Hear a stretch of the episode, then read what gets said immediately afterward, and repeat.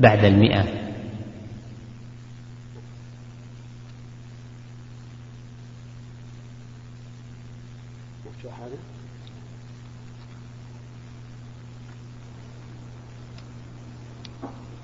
الحمد لله رب العالمين.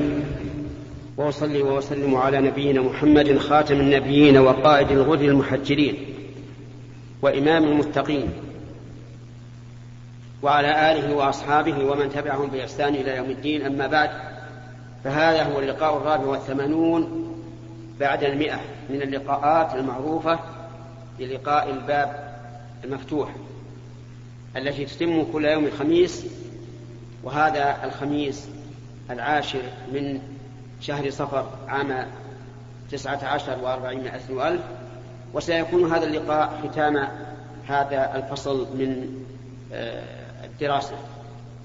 إلى أن تبدأ الدراسة إن شاء الله في الفصل الثاني بعد نحو ثلاثة أشهر.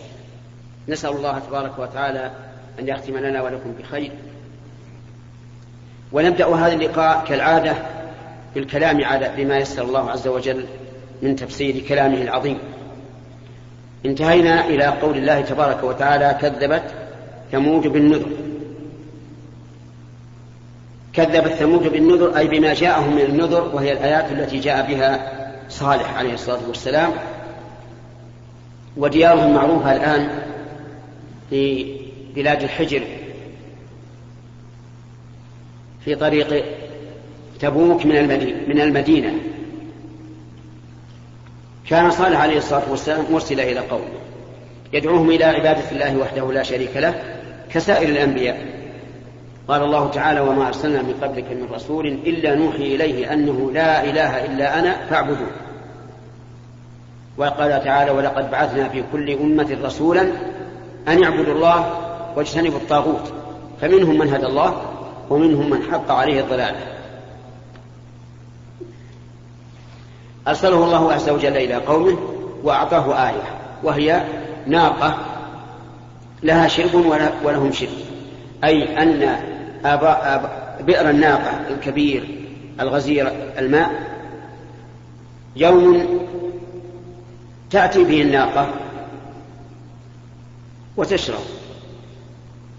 وقد ذكروا أن الإنسان أنها إذا شربت إناء من الماء فإن الذي يسقيها إناء من الماء يحلب من لبنها بقدر ما أسقاه. وهذا من آيات الله عز وجل. أن ناقة تشرب ماء ثم تخرجه في الحال لبنا. فإن هذا ليس له عادة ولكنها آية من آيات الله عز وجل أراهم الله إياه اجلس يا ولد تمثل في فراشك أراهم الله تبارك وتعالى إياها حتى يعتبروا لأن الله لم يرسل رسولا إلا آتاه من الآيات ما يؤمن على مثله البشر. رحمة منه وحكمة. لأنه لا يعقل أن رجلا من بين الناس يأتي ويقول إني رسول الله إليكم إلا إذا أتاه الله آيات تدل على صدقه.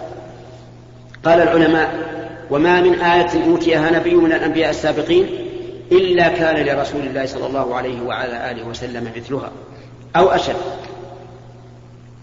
ولكن قد تكون غير متوفرة في حياة الرسول عليه الصلاة والسلام. لكنها موجودة في آية في أمته الذين اتبعوه. ولهذا كان من القواعد المقررة عند العلماء أن كل كرامة لنبي فهي آية للنبي أن كل كرامة لولي أن كل كرامة لولي فهي آية للنبي الذي اتبعه. لأن هذه الكرامة تشهد بصدق ما كان عليه الولي وهذا الولي يتابع لرسول سابق. فيكون بذلك آية على أن هذا الشرع الذي عليه هذا الولي حق وهذه تكون آية للنبي. فالقاعدة الآن أن كل كرامة لولي فهي آية للنبي الذي اتبعه وعليه فنقول من آيات موسى أنه ضرب الحجر وإذا ضربه انفجر عيونا تنبع ماء من حجر يابس. فهل كان لرسول الله صلى الله عليه وسلم مثله؟ الجواب كان له أعظم. فإن النبي صلى الله عليه وسلم جاء إليه بقدح من ماء. وليس مع الناس ماء إلا ما في هذا الرقوة فوضع يده فيه فجعل الماء ينبع من بين أصابع يده كالعيون. سبحان الله. هذه أعظم من آية موسى. لأن آية موسى يخرج الماء من الحجر. وخروج الماء من الحجر معتاد. كما قال تعالى وإن من الحجارة لما يتفجر منها. لكن هل جرت العادة أن يخرج الماء من الإناء الذي بينه وبين الأرض فاصل؟ لا. إذا هذه أعظم. موسى عليه الصلاة والسلام ضرب البحر فانفلق فكان أسواقا يابسة. وهذه لا شك آية عظيمة. جرى لهذه الأمة أعظم من هذا. مشوا على الماء دون أن يضرب لهم طريق يبس. مشوا على الماء المائع الهين الذي يغوص فيه من يقع فيه. بدوابهم وأرجلهم ولم يغرق في قصة العلاء بن الحضرمي وفي قصة سعد بن عبادة آه سعد بن آه ابن أبي وقاص رضي الله عنه. مشوا على الماء. وهذا أعظم من أن يمشوا على الأرض التي تفرق عنها الماء. فالمهم أنه ما من نبي بعثه الله إلا أعطاه من الآيات ما يؤمن على مثله البشر. قلنا هذا رحمة. وإيش؟ أجيبوا يا أخوان. إيش؟ لا. رحمة وحكمة. رحمة بالناس من أجل أن تحملهم هذه الآيات على على التصديق. فينجو من عذاب الله. حكمة لأنه ليس من الحكمة. أن يأتي أن يقوم إنسان من بين الناس ويقول أنا رسول الله حتى يؤتى آيات. من آية من آية صالح. من آية صالح. هذه الناقة. لها شرك ولثمود شرك. لها يوم ولهؤلاء يوم. هذه من آيات الله. وقع مثلها الرسول عليه الصلاة والسلام في الهجرة. فإنه مر براعي غنم وعنده ماعز أو ضأن ليس فيها لبن. فمسح النبي صلى الله عليه وسلم ضروعها فجعلت تبش من من اللبن. هذاك آية معينة في في في عين معينة ناقة معينة هذا في أي أي شيء. يقول عز وجل كذب الثمود بالنذر. النذر جمع نذير والمراد به الآيات التي أوتيها من؟ صالح عليه الصلاة والسلام.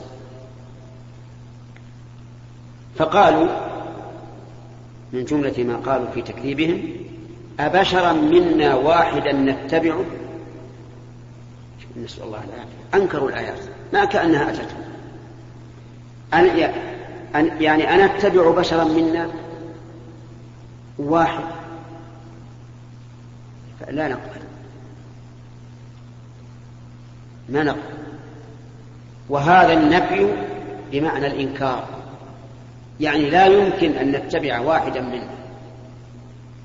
إنا إذا لفي ضلال وسعر يعني إنا إن اتبعناه لفي ضلال وسعر أي لفي جهل وفي عذاب. كأنه وعدهم بأنهم إن اتبعوا اهتدوا. ونجوا من النار.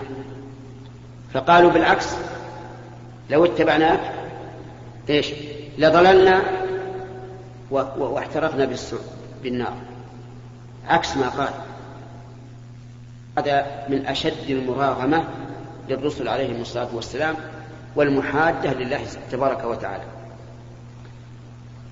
ألقي الذكر عليه من بيننا هذا أيضا احتقار استفهام احتقار.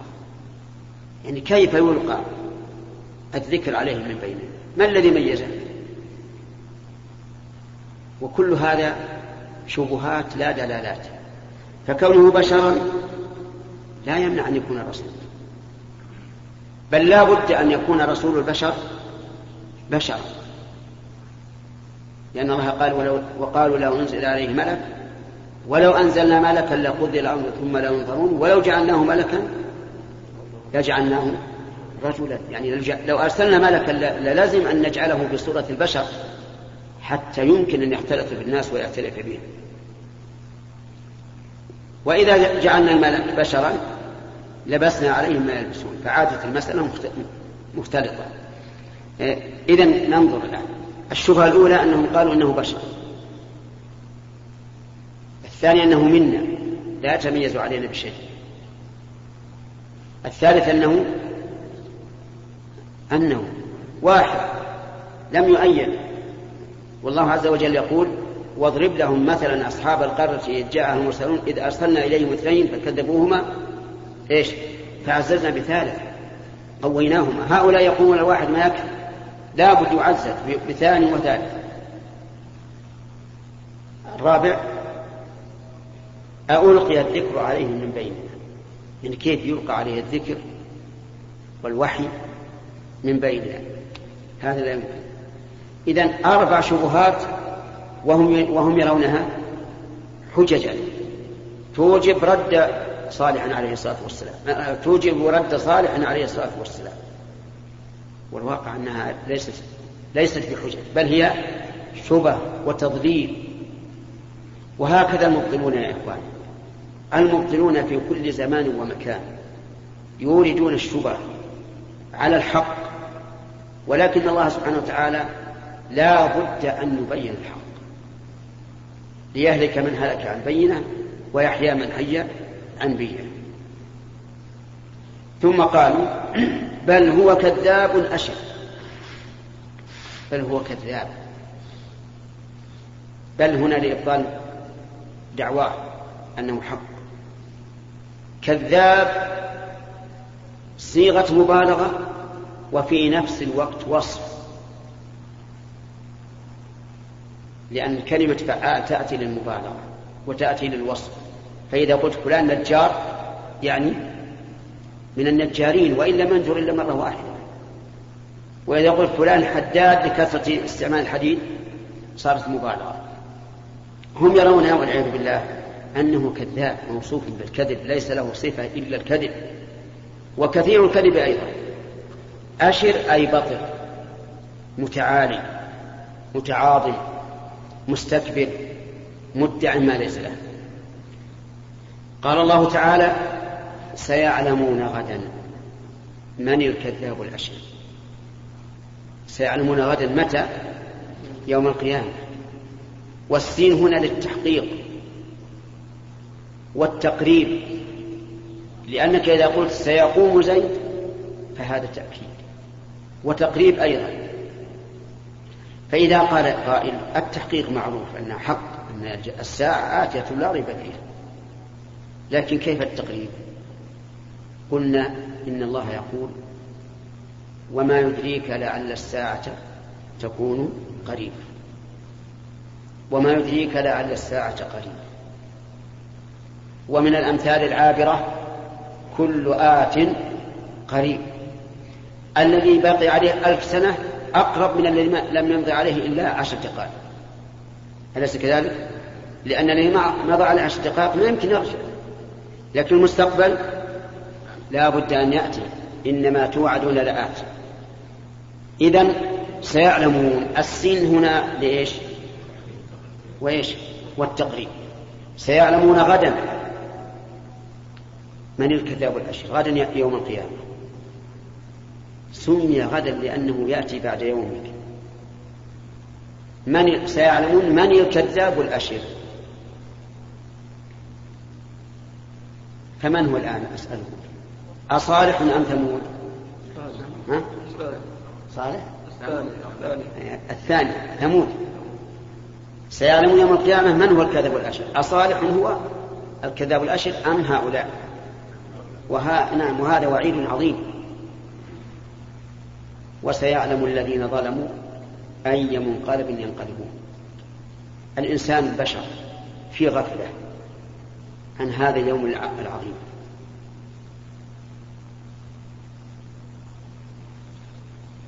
قال الله تعالى بل قلوبهم في غمرة من هذا من يعني من, من عمل الآخرة. بل قلوبهم في غمرة مغطاة عن عمل الآخرة. ولهم أعمال من دون ذلك ها هم لها عاملون. يعني أعمال الدنيا هم لها عاملون أتى بالجملة اسمية يعني أنهم محققون للعمل فيها لا يتركونها ولا يفرطون فيها. وأما الآخرة فهم بغفلة منها. سيعلمون غدا من الكتاب الأشر بعده. إنا مرسل الناقة فتنة لهم. إنا يعني نفسه جل وعلا. وأتى بها بصيغة الجمع تعظيما له جل وعلا. لعظمة صفاته وكثرة كمالاته وكثرة جهوده. فلذلك يكني عن نفسه بصيغة التعظيم. إنا مرسل الناقة فتنة لهم. يعني باعثوها. فتنة لهم واختبارا. هل يؤمنون أو لا يؤمنون؟ وماذا كان الأمر؟ آمنوا أو لا؟ ما آمنوا. وفي هذا إشارة إلى أن الله تعالى قد يظهر للإنسان من الآيات ما يؤمن على مثل البشر حتى إذا استكبر كان استكباره عن علم فكان عقابه أشد وأوجع ولهذا جعل جعل الله جعل الله الناقة جعلها إيش؟ فتنة لأنها أظهرت الحق لهم ولكن لم يقبلوا وانتبه لهذا الاستدراج من الله عز وجل. انتبه. إذا يسر الله لك أسباب المعصية لا تفعل. لا تفعل. فإن الله ربما ييسر أسباب المعصية للإنسان فتنة له. أرأيتم أصحاب السبت من بني إسرائيل؟ يسرت لهم أسباب المعصية؟ فتنة. وهي أن الله حرم عليهم صيد السمك يوم السبت. فكانت الحوت تأتي يوم السبت شرعا على وجه الماء وبكثرة عظيمة لكنهم ملتزمون. لم يصيدوا السمك في يوم السبت فلما طلع عليهم الأمد عجزوا عن ملك أنفسهم فرجعوا إلى طبيعتهم وهي الغدر والحيلة والمكر فاحتالوا على صيد السمك. صاروا يجعلون شباكا يوم الجمعة. فتأتي الحيتان وتدخل في الشباك. فإذا كان يوم الأحد أخذوا الحيتان. وهذه حيلة واضحة. فقلبهم الله قردة قال الله تعالى ولقد علمتم الذين اعتدوا منكم في السبت فقلنا لهم كونوا قردة خاسئين في سلف هذه في صدر هذه الأمة. حرم الله على المحرمين. الصيد. لا تقتلوا الصيد وأنتم حرم. فبعث الله الصيد عليهم وهم محرمون. تناله أيديهم ورماحهم. يعني أن الزاحف يمسكونه باليد. مثل إيش؟ مثل الأرنب مثلا. الغزال. يمسكه الواحد بيده. ورماحكم يعني الطائر. كان الطير لا يناله إلا بالسهم لأنه بعيد. لكن صار الطير يطير وكأنه على الأرض. الرمح يدركه. فتنة. هنا يسر الله لهم أسباب المعصية هؤلاء. يسرها. لكن الصحابة رضي الله عنهم هم الصحابة خير الناس. لم يأخذ أحد منهم صيدة واحدة. رضي الله عنهم بينما بنو إسرائيل تحير وخادعوا الله أما سلف هذه الأمة وفقنا الله وإياكم لمرافقتهم في الدنيا في أعمالهم وفي الآخرة في مساكنهم. فإنهم لم يأخذوا. فهنا الناقة التي نعود إلى الآية. أرسلها الله تعالى فتنة لثمود لكن ما أغنت فارتقبهم واصطبر ونبئهم أن الماء قسمة بينهم. ارتقبهم يعني ارتقب عذابهم أو ارتقب أفعالهم وانظر ماذا يفعلون. واصطبر يعني اصبر لكن فيها التاء زائدة. وأصل اصطبر اصطبر بالتاء للمبالغة. لكن قلبت التاء طاء لعلة تصريفية اقتضتها اللغة العربية. يعني أن الله قال لرسوله صالح ارتقب هؤلاء. واصطبر اصبر فالنصر قريب. ونبئهم أن الماء قسمة بينهم. أخبرهم أن الماء قسمة بينهم. كل له شرب وللناقة شرب ولهذا قال كل شرب محتضر. يعني كل شرب يحضره من من يستحق. إما الناقة وإما هم. وبقوا على هذا لكن لم يستمروا. ما استمروا على ذلك. نادوا صاحبهم الذي يرونه قويا شجاعا. وقالوا له هذه الناقة ضايقتنا لو أننا عقرناها لكنا نشرب كل يوم.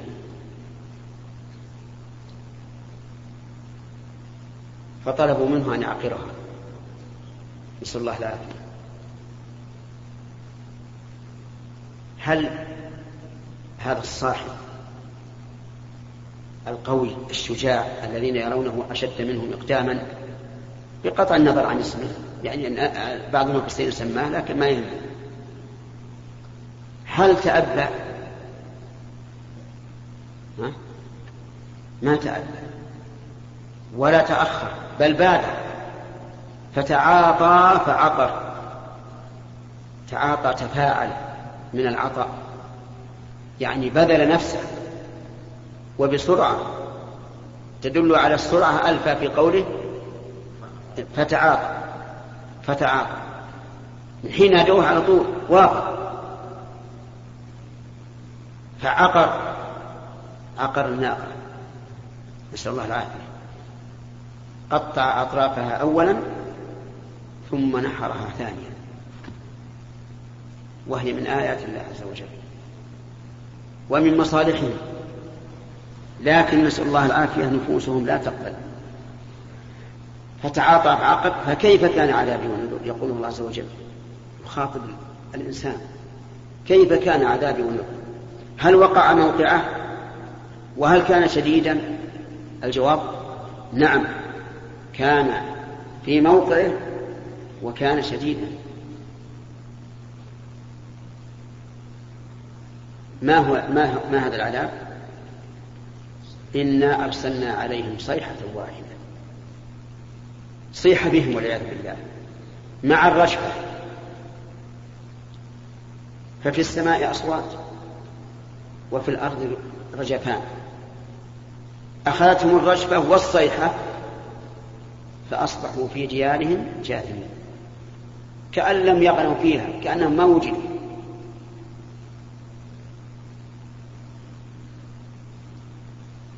إنا أرسلنا عليهم صيحة واحدة. فكانوا كهشيم المحتضر. يعني الحضار يجعله الإنسان لغنمه. لا أدري تعرفون هذا أو لا. البدوي في البادية يجعل على الغنم حضار. من الشجر اليابس ومن عصبان النخل وما أشبه ذلك. لئلا تخرج ولئلا تعدو عليها السباع. هذا الحرار مع طول الزمن والشمس والرياح يتفتت. يتفتت حتى يتلاشى. كان هؤلاء الأقوياء الأشداء المكذبين لرسولهم كانوا ها؟ كهشيم المحتضر أي كالحضار حينما يتلف. وهذا من آيات الله عز وجل وتمام قدرته وسلطانه. إنما أمره إذا أراد شيئا أن يقول له كن فيكون. فكانوا كهشيم المحتضر ولقد يسرنا القرآن للذكر فهل من مدكر. ولقد يسرنا القرآن للذكر سبق تفسيرها. وقلنا إن المعنى أن الله تعالى يسر القرآن أي يسر معانيه لمن تدبره ويسر ألفاظه لمن حفظه. فإذا اتجهت اتجاها سليما إلى القرآن للحفظ يسره الله عليك. وإذا اتجهت اتجاها حقيقيا إلى التدبر وتفهم المعاني يسره الله عليك. ولقد يسرنا القرآن للذكر فهل من مدكر؟ هل هذه للتشويق؟ يشوقنا الله عز وجل إلى أن ندكر القرآن فنتعظ به. جعلنا الله وإياكم ممن يتلونه حق تلاوته لفظا ومعنى وعملا. إنه على كل شيء قدير. والآن إلى الأسئلة. نبدأ باليمين. فضيلة الشيخ وفقكم الله ورعاكم. وإياكم ومن سمع. إذا كان عند الإنسان رصيد من المال فلا يجوز أن يضعه في بنك الرياض أو البنك الأهلي إذا كانت تتعامل بالمعاملات الربوية خصوصا أن البنك الأهلي جعل قسما منه آه، سماه بنك إسلامي ووضع له لجنة شرعية. فهل يجوز للإنسان يضع رصيده؟ بارك الله فيك. آه، إذا كان الإنسان محتاجا لهذا إما خوفا على ماله أو لأي سبب من الأسباب فلا حرج عليه أن يضعه في هذه البنوك لكن يختار أقلها معاملة بالربا. هنا. القسم الإسلامي عادة ما نعلم. ما دام يكون الإسلامي في لجنة شرعية نرجو الله أن يكونوا صادقين في هذا. فيوضع في هذا القسم من البنك. السلام عليكم. فضيلة الشيخ شخص اعتاد أن يصوم الأيام البيض والاثنين والخميس فيسافر بعض الأيام إلى أهله فهل يصوم هذه الأيام؟ والشق الثاني يقول أن بعض أقربائي وأهلي علموا بأني أصوم هذه الأيام وأخشى أن يصيبني فيها رياء فهل أترك هذه الأيام الصيام صيام النفل كسائر التطوعات إن شاء الإنسان أمضاه وإن شاء تركه. لكن لا ينبغي للإنسان إذا عمل عملا إلا أن يثبته. لقول النبي صلى الله عليه وسلم لعبد الله بن عمرو أو عمر يا عبد الله لا تكن مثل فلان كان يقوم من الليل فترك قيام الليل. فأقول للأخ استمر. وإذا كنت مسافرا فانظر الأيسر لك. إن كان الأيسر أن يصوم صام وإن كان الأيسر أن يفطر أفطر. وأما خوف الرياء فلا يهتم به. لأن الشيطان يخوف الرجل إذا رآه مقبلا العبادة فيقول أنت مرائي. فليستعذ بالله من الشيطان الرجيم وليمضي في عمله ولا يهمه هذا. لأنني إذا انتهيت من الوضوء واتجهت إلى الصلاة أحس بخروج نقطة من البول من الذكر فماذا عليه؟ الذي ينبغي أن يتلهى عن هذا ويعرض عنه. كما أمر بذلك أئمة المسلمين. ولا يلتفت إليه ولا يذهب ينظر في ذكره هل خرج أو لا. وهو بإذن الله إذا استعاذ بالله من الشيطان الرجيم وتركه يزول عنه. أما إذا تيقن يقينا مثل الشمس فلا بد أن يغسل ما أصابه البول وأن يعيد الوضوء. نعم. من فضلك اقلب الشريط.